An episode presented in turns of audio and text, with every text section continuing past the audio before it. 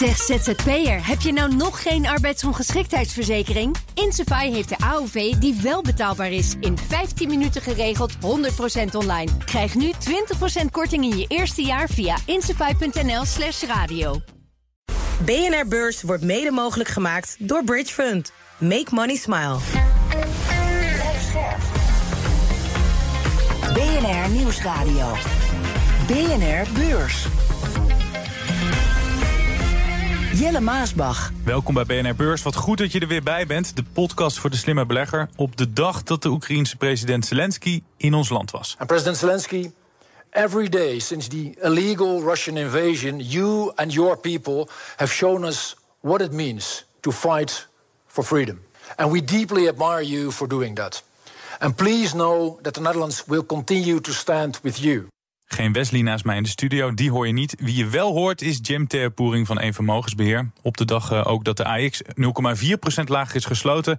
En boven de 741 punten. De grootste daler is staalreus ArcelorMittal. Dat ging bijna 5,5% naar beneden. We gaan het zo over twee belangrijke mensen hebben die bezig zijn aan een missie: het terugdringen van de inflatie. Dan heb ik het natuurlijk over Jerome Powell van de Fed en Christine Lagarde van de ECB. Dat straks, dan trouwens ook over de winst van Shell. Maar eerst uh, ander nieuws dat opviel. Jim, jij mag aftrappen. Wat uh, viel jou op? Ik denk dat we er bijna niet omheen kunnen. Je zei het al in je aankondiging dat er toch weer wat onrust is in de Amerikaanse bankensector. Een kleintje dit jaar, dit, ditmaal wel eens. Maar PacWest die alle mogelijkheden bekijkt uh, die er liggen. Uh, strategic options noemen ze dat. Nou, betekent eigenlijk het water staat ons aan de lippen en kom ons redden. Ja, en dan denk ik gelijk vier op een rij. Of, of, of gaat het niet zo ver lopen? Nou, ik denk dat we daar al bijna zijn, Jelle. We hebben natuurlijk begonnen allemaal met SVB. Dat uh, was in maart. En uh, ja, daar is het helaas niet bij gebleven. First Republic, Signature Bank. Die uh, hebben, ja, ook, bleken ook geen sterk genoeg balans te hebben. En nu is het dus ook nog PacWest, die op dit moment een ja, te weinig solide eigen vermogen heeft om aan alle verplichtingen te kunnen voldoen. Ja, we gaan zo meteen uh, het er nog even over hebben. Ik wil het ook hebben over uh, KLM. Ik las bij de vrienden van RTL Z dat KLM de staat bijna niks heeft opgeleverd. In 19 jaar tijd, dus sinds het samengaan met de Fransen, ontving de staat 151 miljoen euro aan winstbelasting. Dat is nog geen 8 miljoen euro per jaar. Dat is niet veel. Helemaal als je bedenkt dat er door de jaren heen bakken met geld in KLM zijn gestopt. Alleen al 2 miljard euro aan loonsteun tijdens de coronacrisis. Ja. Wat uh, denk je als je dit hoort, Jim? Nou, ik kan me altijd heel erg opwinden over KLM. En dat is altijd heel vervelend, want mensen zijn gehecht aan KLM. Ja. Ik ben ook heel erg gehecht aan de Hema-worst en aan Wilhelmina pepermunt. uh, maar ja, dat zijn gewoon, uh, dit zijn instituten die schijnbaar kosten wat het kost in leven moeten worden gehouden. En uh, het kost inmiddels al heel veel. Laten we wel wezen, uh, ja, Wopke Hoekstra hoor je er weinig meer over. Maar volgens mij is die begonnen met een uh, reeks van nou ja, donaties aan KLM. Die kocht eerst eens wat aandelen om een belang te krijgen om genoeg stemrechten te verwerven. 15% meen ik, dus bijna een miljard mee gemoeid. Ja. Nou, die miljard is praktisch verdampt. Er is op alle manieren steun geweest. Maar ja, het is heel simpel. Als je er kijkt naar als belegger, dan moet je uh, KLM gewoon laten afzinken. Want KLM uh, is een groot instituut. Maar, uh, en dan moet ik wel een beetje nuanceren. Air France met name zorgt voor grote verliezen. de omzet is gigantisch, maar onder de streep maakt het bedrijf eigenlijk jaar in jaar uit gewoon verlies. En dat is ook de reden dat ze helemaal geen winstbelasting betalen. Dat is natuurlijk eigenlijk een schande als je bekijkt dat er miljarden steun gemoeid zijn, omdat KLM zo belangrijk is. Maar uiteindelijk krijgt de staat daar geen stuiver van terug. En ja, we moeten ook naar onszelf kijken. Hè? Want Jelle, als ik aan jou vraag, je mag naar Barcelona. Je kunt met Vueling, een uh, Spaanse maatschappij, nee, voor uh, 125 euro. Of ja. met 300 voor KLM. Wat doe je? Ja, dan ga ik toch uh, met KLM. Ik ben laatst naar Madrid. ja, ik ken jou al. Ja, ik weet het. Ja, nationalist. ja, iets anders. Even terug in de tijd. Jim, drie jaar geleden stapte Fijke Siebesma op bij DSM. Maar liefst 13 jaar was hij daar de CEO. En om die grote schoenen op te vullen, gingen ze voor een bijzondere opvulling. I will hand over my responsibilities as CEO to Geraldine Machet and Dimitri de Vreese, who are appointed by the Supervisory Board as co-CEOs of DSM. Ik heb dit hele stuk uh, zitten luisteren en toen had ik wel de slappe lach om zijn Engels, maar dat uh, tezijde. Twee CEO's dus, maar drie jaar later komen ze daarop terug. Geraldine Matchett uh, gaat in september weg. Dimitri de Vreese blijft in zijn eentje de CEO. Zij gaat haar loopbaan, zoals dat dan heet, elders vervolgen. DSM is laatst gefuseerd. Ze zeggen, we kunnen ja. het nu prima af met één topman. Maar dit wisten we toch van tevoren dat twee kapiteins op één schip niet zouden werken? Nou, uiteindelijk gaat dat natuurlijk wel leiden tot botsingen. Uh, maar in beginsel werd natuurlijk wel gedacht... zijn ze uh, als individu wel sterk genoeg om uh, DSM te leiden? -huh. zeker als je nu kijkt naar de fusie die natuurlijk met Vermenig nou ja, net, net is afgerond eigenlijk... maar nu in de praktijk operationeel ja, waarde zal moeten blijken toe te voegen... Ja, daar ligt nogal een uitdaging en dan krijg je meningsverschillen... en dan moet uiteindelijk één iemand nou ja, andere mogelijkheden gaan verkennen. Um, dus op zich is het wel logisch. Kijk, en, uh, uh, dat, dat is hoe het gaat. En uh, ik ga ervan uit dat mm -hmm. daarin wel een wel overwogen keuze is gemaakt. Ik moet eerlijk zeggen dat ik beide bestuurders nooit heb gesproken of niet nee. ken. En ja, bij Fijke Siebesma kunnen we lachen om zijn Engels. Aan de andere kant was hij zijn tijd wel ver vooruit als het gaat over bijvoorbeeld sustainability. Nou, waar die DSM echt op een voorsprong heeft gezet. Ja, ik heb Dimitri de Vrezen eigenlijk ook alleen maar gesproken. Ik heb Marchet uh, zelf niet uh, gesproken. Maar toch, jij zei het volgens mij zelf ook van tevoren... Uh, dat je er niet heel erg in geloofde in zo'n co-CEO-schap. Waarom kiezen bedrijven dan toch voor dat model, denk jij? Ik denk dat het vaak voor de veilige weg is. Hè, dat er één iemand benoemen, dat is een risico. Zeker als je de verkeerde benoemt. Uh, in het beginsel kunnen ze zich aan elkaar optrekken, meer overleggen.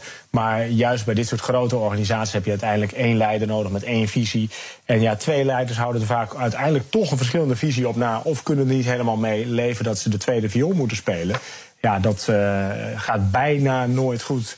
Tenminste, uh, hè, net zoals in de popmuziek heb je bijna ook nooit twee zangers. Bij Alphabet dan, moederbedrijf van Google, hebben ze één topman, Sundar Pichai.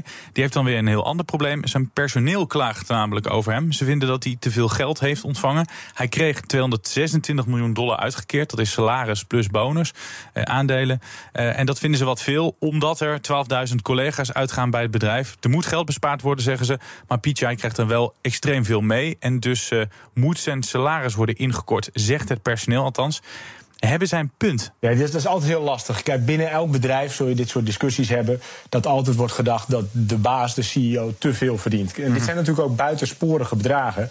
Maar dit soort verhoudingen zie je natuurlijk uh, in extreme mate. Misschien minder bij Nederlandse beursgenoteerde bedrijven. Maar zeker bij molochen als bijvoorbeeld Alphabet. Ja. Waar ook uh, 100.000 plus mensen werken. Ja, dan krijg je natuurlijk ook mega verantwoordelijkheid uh, aan de top. En dan wil je echt de beste mensen hebben. Die zijn ook het duurste. Die moeten er ook heel veel voor laten. Ik begrijp de verontwaardiging wel. En dat is natuurlijk moeilijk als er aan de ene kant kosten bespaard moeten worden. Dat aan de andere kant er een duur betaalde uh, topman nog meer zou moeten verdienen. Uh, die zal waarschijnlijk zeggen: ja, maar ik heb mijn doelstellingen. Als ik die waarmaak, dan is mijn beloning terecht. Ja, en die beloning is, moet ik wel eerlijk zeggen, natuurlijk lekker onderbuik. Maar het is deels ge, uh, gestoeld op, op aandelen. Maar goed, aan de andere kant, als je zegt we willen bezuinigen, maar we gaan aan de andere kant wel 70 miljard dollar uitgeven aan de aankoop uh, van onze eigen aandelen, dan kan je afvragen of dat wel handig is. Ja, kijk, op het moment dat je aandelen terugkoopt, dus net als een dividenduitkering, -huh. het is niet per se kapitaalvernietiging. Het is meer het teruggeven van uh, vermogen aan de aandeelhouder zelf. En die wordt op die manier een stukje beloond. Dus daar heb ik over het algemeen geen moeite mee. Tenzij dat natuurlijk gepaard gaat met, uh, met het aantrekken van vreemd vermogen, hoge schuldenlast. Nou, dat is hier niet de situatie. Jim zei het al, weer zitten Amerikaanse banken in problemen. Ook dit keer is het een regionale bank. PacWest Bancorp is de naam. Het overweegt zichzelf in de verkoop te gooien. En slecht nieuws, er komt mogelijk weer een andere naam bij. Maar eerst naar Washington en Frankfurt. We gaan het hebben over het rentebeleid. Dat zag er als volgt uit. De Fed verhoogt met 25 basispunten. Hier in Europa verhoogt de ECB ook. Er zit ook een verhoging hierbij met 25 basispunten. Ik wil toch uh, beginnen met de Fed, Jim. Die verhoging was wel volgens verwachting. Maar zat er voor jou nog een uh, verrassing in? Nou, geen grote verrassing. Ik denk dat je dat ook zag uh, aan, aan, alle beleggers. Die reageerden ja. niet euforisch en ook niet heel depressief. Maar wat toch nog wel dan een beetje opvallend is is dat uh, Powell, die geeft zelf toch wel aan van ja, ik wil niet te vroeg mijn voet van de rem halen. Dus het is helemaal niet gezegd dat er niet nog meer renteverhogingen komen. En dat hij echt wel zegt van ja, we, we monitoren het day by day. We kijken naar de data. En als de data er uh, aanleiding toe geven om verder te verhogen, dan zullen we dat wel doen. De inflatie moet naar 2%. Dat is het doel. Ja, daar staat hij nog niet. Er is 5% inflatie, dus ja, die rente uh, zou nog wel verder omhoog kunnen... op basis van wat er gisteren werd gezegd. Ja, want dit lijkt de laatste. Iedereen riep het al, dit wordt de laatste. Maar je zegt het al, Jerome Powell heeft er nog geen besluit over genomen. Dus wat wordt het? Wordt het dan toch nog een verhoging? Dat is een hele lastige natuurlijk. En dat is wat uh, Paul zegt. Die zegt, ja, we kijken naar de data. Nou, de inflatie is nog geen 2%. Daartegenover staat ook dat uh, de economie toch wel heel sterk blijft. Want we hebben nog steeds economische groei in de Verenigde Staten. Uh, de werkloosheid ligt op 3,5 procent, dus een krappe arbeidsmarkt. Uh, bedrijven laten goede winstcijfers zien, die groeien ook nog. Dus ja, het lijkt er wel op dat de economie een nog hogere rente ook wel zou aankunnen. En misschien is dat dus ook wel nodig om die inflatie te beteugelen. En ja, zolang de economie krachtig is, zal Powell daar eerder toe durven overgaan dan wanneer we bijvoorbeeld zouden kampen met een recessie. Ja, Jim eh, Powell zei ook, die rente die houden we voorlopig nog wel even hoog. Hij kreeg allerlei vragen van journalisten. Toen ging het over een verlaging en daar wilde hij niets van weten. Toen zei hij dit. We have a view that inflation is going to come down not so quickly but it'll take some time. And in that world, if that forecast is broadly right, it would not be appropriate and, and to, to cut rates, and we won't cut rates. Ja, hij zegt uh, dus niet uh, naar beneden brengen, maar er lijkt niet heel veel mensen dat serieus te nemen. Er wordt gezegd dat de Fed al snel weer moet gaan verlagen vanwege een recessie. Behoor jij ook tot dat team? Ik behoor zeker tot dat team. Wij denken uh, in dit geval zelfs dat eind van het jaar de rente al wel verlaagd is naar 4,75 procent. En ja, dat is dus ook een van de redenen, als je dat dan vertaalt naar een beleggingsbeslissing, waarom je echt als belegger of als vermogensbeheerder zou moeten kijken naar het ja, meer opnemen van obligaties, uh, leningen dus in de portefeuille, die op dit moment een aantrekkelijke rentevergoeding geven. En ja, die alleen maar aantrekkelijker worden op het moment dat de rente wel gaat dalen. Het lijkt er wel op dat we de piek in de rente uh, nou, misschien hebben bereikt of bijna bereikt. En wat betekent dat voor de beurs? Dus best wel redelijk rap verhogen en dan toch weer gaan verlagen? Ja, redelijk rap. Uh, vorig jaar maart stond de rente eigenlijk nog op nul. Ja. Dus we hebben eigenlijk nog zo'n zo'n renteverhoging hebben jij en ik nog nooit meegemaakt. Nee. Dan zijn er mensen die zijn al wat ouder die zeggen... ja, we hebben Vulken nog meegemaakt in de jaren 70... en die, die pompten de rente nog veel verder op. En als je op een gegeven moment rentes van bijna 20 procent... Uh -huh. Nou, dat gaan we nu natuurlijk niet zien. Nee. Um, en andersom uh, zal de rente ook niet zo hard verlaagd worden. Maar een iets lagere rente zou voor de aandelenmarkt natuurlijk wel gunstig zijn. Want dat maakt de relatieve aantrekkelijkheid van de dividenden bijvoorbeeld die bedrijven uitkeren ja, uh, beter. Dus dat is zeker gunstig voor de aandelenmarkt. Ja, dan naar uh, ons eigen continent. De ECB kwam ook met de verhoging, wel minder dan de vorige keer. Volgens Christine Lagarde zijn ze bezig aan een reis die nog niet klaar is. We have covered a lot of ground in the last nine months, right? Moving from minus 50 basis points to plus 300 basis points. We are continuing this hiking process. As I said, this is a journey. We have not arrived yet. Ja, dat is mooi gezegd. Ik moet heel eerlijk zeggen dat ik niet altijd goed zit op te letten tijdens die persconferentie. Maar dit vond ik wel mooi. Dus ik dacht, ik uh, ben blij dat ik hem uh, heb uh, meegepikt. Ze gaan dus door daar met renteverhogingen. Hoeveel kunnen we er nog verwachten? Ja, we lopen natuurlijk wel een stukje achter op bijvoorbeeld uh, Amerika. En ook als je kijkt naar de inflatie, wat bij de ECB echt het kerndoel is, prijsstabiliteit, 2% inflatie of net ietsje daaronder bij voorkeur. Uh, daar zijn we nog lang niet. We hebben in Nederland al weliswaar een iets lagere inflatie, inflatie maar de inflatie in uh, Europa ligt op 7%. Dus ja, die rente die zal echt nog wel wat omhoog moeten om de inflatie verder te beteugelen. Nou is het wel zo dat dat, een, dat effect van inflatie, uh, dus de prijzen niet verder oplopen, dat is wel wat we dan noemen lagging. Dus als de rente nu verhoogd wordt, dan duurt het echt wel een half jaar voordat je dat in inflatiecijfers uh, terug gaat zien. Ja. Dus daar moeten we wel rekening mee houden. Je moet zeg maar, op een gegeven moment wel je voet wat van de rem afhalen nog een uh, kwartje verhoging en nog een keer 10 basispunten verhoging. Dus dat we net boven de 4% komen. Dat is uh, ja, toch vanuit dat perspectief en vanuit het beleid van de ECB en de doelstelling eigenlijk wel logisch. Maar dan kom je dus op het punt misschien dat de ECB nog stappen moet zetten. Dat ze nog wat verhogingen doen. Nadat de Fed al aan het afbouwen is. Ja, dat klopt inderdaad. Um, en dat, dat is ook wel een beetje de standaard, ook als je historisch kijkt, dat de Europese economie die volgt. Dat zag je ook in de, in de opbouw van de rente. We, we, wij stonden uh, vorig jaar maart inderdaad nog op min, min een half procent. En de, de Federal Reserve die had toen de eerste verhoging al gedaan. Dus de ECB die is daar ook iets trager in geweest. Ook minder agressief dan de Federal Reserve. Die heeft echt een paar keer 75 basispunten uh, bij de rente opgedaan. Nou, de, de ECB is iets voorzichtiger, iets rustiger. En dat past ook wel bij het economisch beeld als je historisch kijkt van de, van de, van de Europese Unie, of ik moet zeggen van Europa. Iets rustiger beweegt en iets achter de Amerikaanse economie aangaat. BNR Beurs. Dat ziet er niet best uit daar op Wall Street. De Dow Jones verliest 1,2% De S&P 500 verliest 0,7% En de Nasdaq 0,4% Die regionale bank, waar Jim het net al over had, PacWest... Die gaat op dit moment 47% naar beneden. Ze zeggen in gesprek te zijn met potentiële verkopers. Maar ik vraag me nu wel af, Jim, blijven er überhaupt nog wel regionale banken over? Eh, op deze manier. Ja, ja, ja, ja. Ja, dat klinkt natuurlijk allemaal heel heftig. Hè?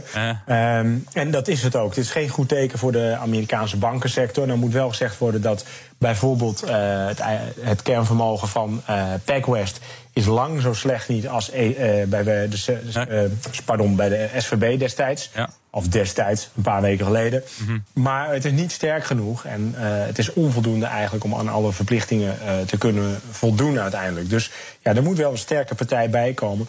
Of een kapitaalsinjectie. Wat is natuurlijk een moeilijke. Als je een kapitaalsinjectie door aandelenuitgifte. Ja, dat gaat makkelijk als je aandelenkoers hoog staat. En laten we wel wezen, uh, PacWest had begin maart een aandelenkoers van 30 dollar. Daar is nu nog 3 dollar van over. Dus ja, je krijgt een soort self-fulfilling prophecy. Op deze koers nieuw eigen vermogen aantrekken, aandelenuitgifte en nieuw kapitaal. Dat is heel erg lastig bij deze lage aandelenkoers. Nou, dus dat weet iedereen, dus wat doen beleggers? Die verkopen aandelen. Ja, dus die optie is eigenlijk weg. En dan moet de toezichthouder deze bank waarschijnlijk ook gaan onderbrengen bij een grote naam. Nou zal JP Morgan niet uh, meer mogen, maar dan moet een andere grote naam waarschijnlijk uh, onderdak gaan bieden. Ja, dat, dat zou een uh, goede mogelijkheid zijn. Dan moeten we ook, zonder het probleem te willen bagatelliseren, het ook niet overdrijven. Uh, als je nu kijkt naar de market cap van uh, PacWest, dus de waarde van alle aandelen bij elkaar, dat is nog geen half miljard. Nee. Um, er werken volgens mij zo'n 2500 mensen. Het is echt een California-based bank. Ik was vandaag in Antwerpen en toen had ik met mijn collega's er ook over of ze ooit van de Frieslandbank hadden gehoord. Nou, die ken jij misschien nog wel, Jelle. Ja, zeker. Um, Frieslandbank ging volgens mij in 2009 ook failliet. Is opgegaan in de Rabobank. En ja, dat kun je een beetje met elkaar vergelijken. Hè. Frieslandbank ontstaan in Friesland, ook op een gegeven moment actief in Groningen, Drenthe en zelfs een filiaal in Amsterdam. Ja, die bleek ook uit het niet, niet meer uh, ja, solvabel genoeg te zijn. En is toen opgegaan in de Rabobank. En qua omvang was de Frieslandbank nog net iets kleiner dan PacWest. Maar uh, dit is niet uh, een, een, partij die too big to fail is. Nee, maar als er iets gebeurt, dat zie je nu bijvoorbeeld ook aan een andere bank, First Horizon. Bankje dat gekocht zou worden door een concurrent. Daar werkt ze al een tijdje aan, uh, aan, aan die deal. Maar die overname gaat nu niet door. Het aandeel gaat nu weer 34% naar beneden, omdat de koper de, trek, de stekker eruit trekt. Er zit gewoon wel paniek natuurlijk in die markt. Dus als er ook maar iets misgaat, dan dan duikt die koers gewoon keihard uh, op dit moment naar beneden. Wat wel gezegd moet worden, we hadden het net de hele tijd over uh, rentes en oplopende rentes. Mm -hmm. Het grote probleem is natuurlijk bij dit soort banken dat ze heel veel van hun assets uh, hadden aangehouden in obligaties. Dus ze hadden bezittingen die 100 waard waren, maar door de opgelopen rente ineens nog maar 70 of 80 waard. Ja, daarmee is hun dekkingsgraad in problemen gekomen. Dus het is niet per se dat er mismanagement is geweest of risicomanagement niet op orde was. Uh, er zijn marktomstandigheden geweest waardoor hun bezittingen die ze hadden, waarvan ze dachten dat die waardevol waren, ineens een stuk minder waardevol zijn. En dat is eigenlijk het hele probleem, de opgelopen rente. BNR Beurs. Dan over hele andere dingen, leukere dingen. Het Britse Shell gaat een deel van de winst uitkeren aan de aandeelhouders. In het eerste kwartaal was de winst bijna 10 miljard dollar. 4 miljard daarvan gaat naar de inkoop van eigen aandelen. Aandeelhouders profiteren dus van de winst, die uh, ook nog eens hoger is dan verwacht. Ja, Jim, alle divisies doen het beter dan uh, gedacht. Sprong er nog één voor jou uit of zeg je, ik vind ze allemaal wel, uh, wel mooi? Kijk, ik moet eerlijk ook zeggen dat als je kijkt naar de winst van Shell... En, en de resultaten die ze overleggen, die kwamen niet helemaal als positieve donderslag bij heldere hemel. Want ze hadden natuurlijk twee weken geleden, nou niet twee weken geleden, maar een maandje terug al een trading update ja. gegeven.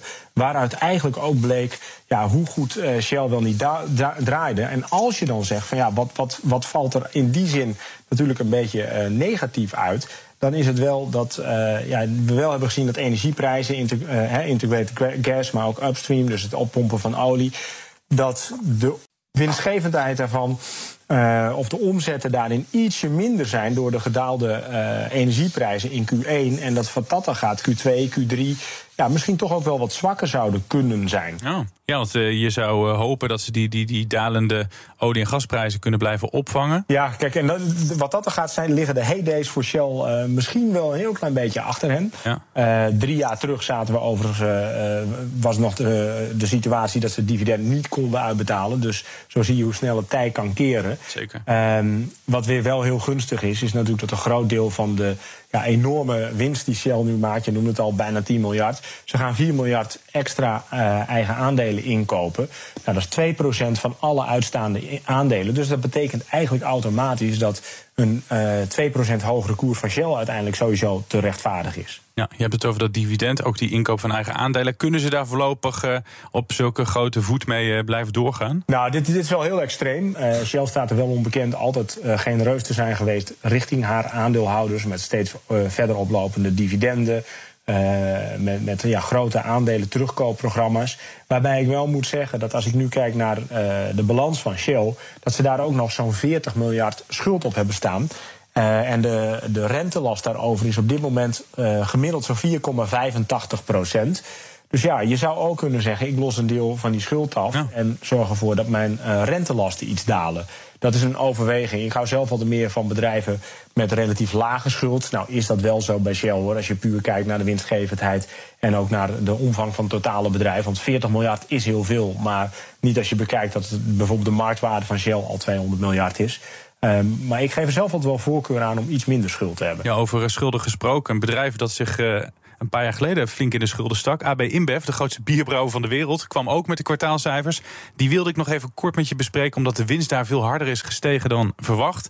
Ze hebben iets meer Budweiser, Stella Artois en Corona verkocht, maar tegen veel hogere prijzen. En dan vraag ik mij af, hoe kan het toch dat we het pikken dat onze biertje steeds maar duurder wordt, Jim? Ja, omdat we ze heel graag willen hebben. De consument die accepteert blijkbaar de uh, hogere voedselprijzen in zijn algemeenheid. En mm -hmm. zeker ook in het bijzonder van bier. Dat zag je al bij Heineken, die dus inderdaad ook te maken hadden zelfs met een stukje volumedaling, als ik me niet vergis. Nou, bij AB InBev zag je een heel klein beetje meer uh, volumes. Dus mm -hmm. de aantallen biertjes die liepen wel op. Maar ja, uh, uiteindelijk uh, waren de prijsstijgingen dermate hoog dat uh, ja, het operationeel resultaat bijna 15% opliep. 13,6% om uh, precies te zijn. Dus ja, de prijsstijgingen die maken ruimschoots eventuele volumekrimp uh, ja, goed bij ja. de biermarkt. En dan de meest gestelde vraag dit cijferseizoen: hoe lang houden ze al die prijsverhogingen vol? Nou, vooralsnog wel een tijdje. Er is weinig concurrentie schijnbaar. En de consument uh, heeft veel behoefte aan uh, de premium biers van onder andere Heineken en AB InBev. Wat alleen wel zo is, dan zie je ook hoe kwetsbaar zo'n AB InBev is. AB InBev die kan momenteel wel met een soort van schandaal. Ik weet niet of je daar iets over gehoord hebt. Maar uh, AB InBev die heeft natuurlijk het biertje Budweiser. En ze mm -hmm. hebben ook Bud Light. En die hadden ze uh, aan een influencer gestuurd. Die kreeg er ook 15.000 dollar voor. Als ja. ze dan zei van uh, drink Bud Light. Nou, dat deed ze ook. Maar deze influencer, dat was een... Uh, ja, een Transgender volgens ja, mij. Nou, dat moet je dus niet doen in Amerika. Want uh, laten we zeggen, de Texanen en alle uh, andere, nou misschien wel felle Trump-aanhangers, die hebben uh, opgeroepen tot een boycott van Bud Light. En dat gaat dus ook serieuze druk op de omzet zetten. Dus dat is ook een van de vragen die vanmiddag gesteld werd tijdens de conference call van, uh, van AB InBev. Mm -hmm. nou, hoe gaan jullie met dit probleem om? Want ze hebben dus echt een serieuze omzetdaling gezien in het Bud Light segment. Ja, dat kan dus een uh, probleem worden. Gaan we nog even kijken wat er morgen op de agenda staat. Op de laatste werkdag van de week krijg je de cijfers van Air France KLM. En dat worden eindelijk een beetje leuke cijfers. Na de donkere coronajaren heeft de sector namelijk de lijn naar boven ingezet. Dat geldt ook voor KLM, denken analisten. Er worden weer meer vluchten geboekt en het heeft de staatssteun afgelost. Voor dit eerste kwartaal wordt voor Air France KLM wel een verlies verwacht. Maar het eerste kwartaal is eigenlijk altijd de minste periode voor een luchtvaarder. Voor het hele jaar wordt uitgegaan van een winst. Dan naar Adidas. Dat heeft een rampjaar met winstwaarschuwingen, een gekelderde beurskoers en boze beleggers achter de rug. Allemaal vanwege een samenwerking met rapper Kanye West. Die is verbroken. Herstel, dat is het toverwoord bij de cijfers van Adidas. Hebben ze de boel weer een beetje op de rit. Tot slot ook nog de resultaten van mediabedrijf Warner Bros. Discovery. Een mediabedrijf dat op de beurs niet echt van zijn plek komt. Maar na de publicatie van de cijfers misschien wel. Bijna het einde van de aflevering. Hoe vond je het? Ja, ik vond het uiteraard weer ontzettend leuk, uh, Jelle. Jammer dat Wesley ziek was, maar ja, we hebben ook met z'n tweeën een half uur vol kunnen kletsen, volgens mij. dat is altijd wel knap, hè? Ik krijg nog wel kort wat vragen, want elke aflevering de vraag van onze gast een tip om uh, iets te zeggen, een tip te geven wat je kan gebruiken tijdens dit cijferseizoen. Wat zou jij de luisteraar nog willen meegeven? Nou, let vooral op de details. Hè. Dat is wel wat je vandaag ook uh, weer zag, bijvoorbeeld bij Shell. Hè. Die spreken gewoon van een solid en sterk uh, uh, kwartaal. Ja. En dat geldt echt bij cijferseizoenen. De devil is in de detail. Dus met name de toelichting van de CEO, de outlook statements. En let daar echt op, in de, op de bewoordingen die hij gebruikt. En dan echt de details over ja, hoe kijkt hij eraan. Wordt iets zwaar, wordt iets niet zwaar, is iets positief? Of uh, zit er ergens nog addertjes onder het gras? Dus de details, die bepalen de uitslagen. Dankjewel dat jij details wilde toelichten hier. Jim Tegenpoering van Even Mogensbeer. En jij bedankt voor het luisteren. Tot morgen. BNR Beurs wordt mede mogelijk gemaakt door Bridge Fund. Make money smile. Zeg ZZP'er, heb je nou nog geen arbeidsongeschiktheidsverzekering? Insafai heeft de AOV die wel betaalbaar is. In 15 minuten geregeld, 100% online. Krijg nu 20% korting in je eerste jaar via insafai.nl slash radio.